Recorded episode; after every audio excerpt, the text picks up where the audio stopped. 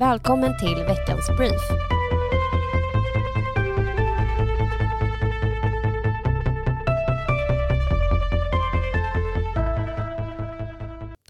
Risk för varsel i Region Stockholm. Den rödgröna majoriteten i Region Stockholm har tidigare presenterat sin budget för regionen. Där fattas nästan 2,5 miljarder kronor för att akutsjukhusen i Stockholm ska undvika att gå med underskott nästa år och flera av sjukhusen varnar för att det inte kommer att gå ihop utan personalneddragningar. Vilket går tvärt emot Socialdemokraternas vallöfte om rekordsatsningar på akutsjukhusen och fler händer i vården. Tidigare finansregionrådet Irene Svenonius fick ont i magen av att läsa remissvaren från de olika sjukhusen och har svårt att förstå hur sittande styre kan påstå att deras budget inte kommer innebära massvarsel, berättar hon för DN. Moderaterna släpper skuggbudget för Stockholms stad. I veckan släppte Moderaterna i Stockholms stad sin skuggbudget. Det ekonomiska läget i världen med höga räntor, hög inflation och lågkonjunktur har givetvis påverkat budgeten som gjort att Moderaterna har prioriterat att minska stadens lånebörda för att inte skuldsätta Stockholms framtid, barnen. Utöver detta har man prioriterat tre områden, skolan, miljö och klimat samt stadsbyggande. Så här säger Kristoffer Fjellner, oppositionsborgarråd till SVT om den moderata budgetens tre områden. Föreställningen man idag har att, att skolan på något sätt ska vara den plats som löser alla problem eh, tror vi är farlig. Du kan liksom inte flytta in alla funktioner i skolan och säga att skolan har till uppgift att lösa all den psykiska ohälsan eller att, eh, all brottslighet eller otrygghet som finns i samhället. Så skolan måste få fokusera på sitt kärnuppdrag och lärare och rektorer måste fokusera på utbildning snarare än alla andra projekt som skolan idag gör. Vi tycker att det är viktigt med framkomlighet för alla trafikslag. Vad den här majoriteten har gjort är att man säger att man vill sätta en miljard på att bekämpa bilismen egentligen. Den säger vi att vi vill använda till klimatinvesteringar och bekämpa klimatförändringarna istället. Eh, gör vi det så skulle de pengarna kunna räcka till ja men, 100 fotbollsplaner, solceller på stadens tak. Allt för länge så har man ju byggt staden för statistiken snarare än stockholmarna och det märker man tydligt även med de förslag som majoriteten lägger fram där man vill bygga många små hyresrätter i allmännyttan.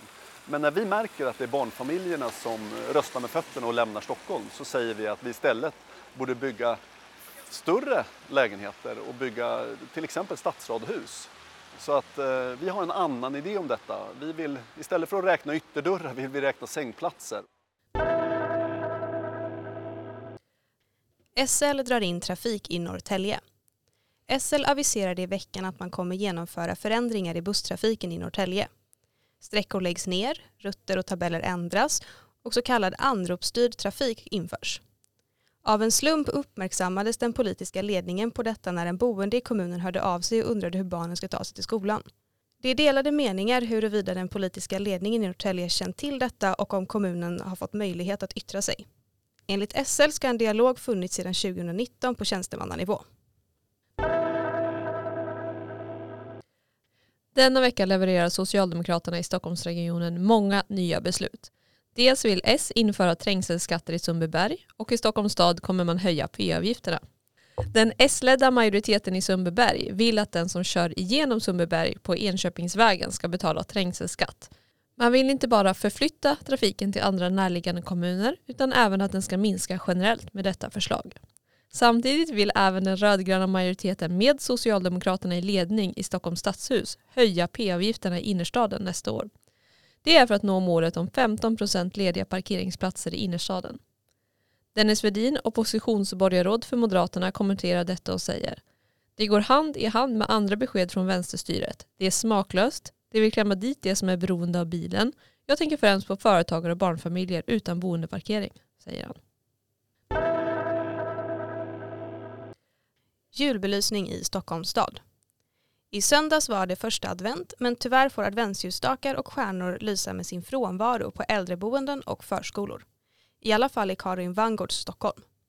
I den svåra situation som idag är på energimarknaden väljer nu den rödgröna majoriteten att spara in på två promille av stadens elförbrukning genom julbelysningen i bland annat förskolor, äldreboende och daglig verksamhet. Det är klart att vi ska vara resurseffektiva, men här börjar man i fel ände och sparar in på det yngsta och äldsta. Det är plakatpolitik av den värsta sorten. Det finns många ställen där man kan spara in innan man sparar in på äldre.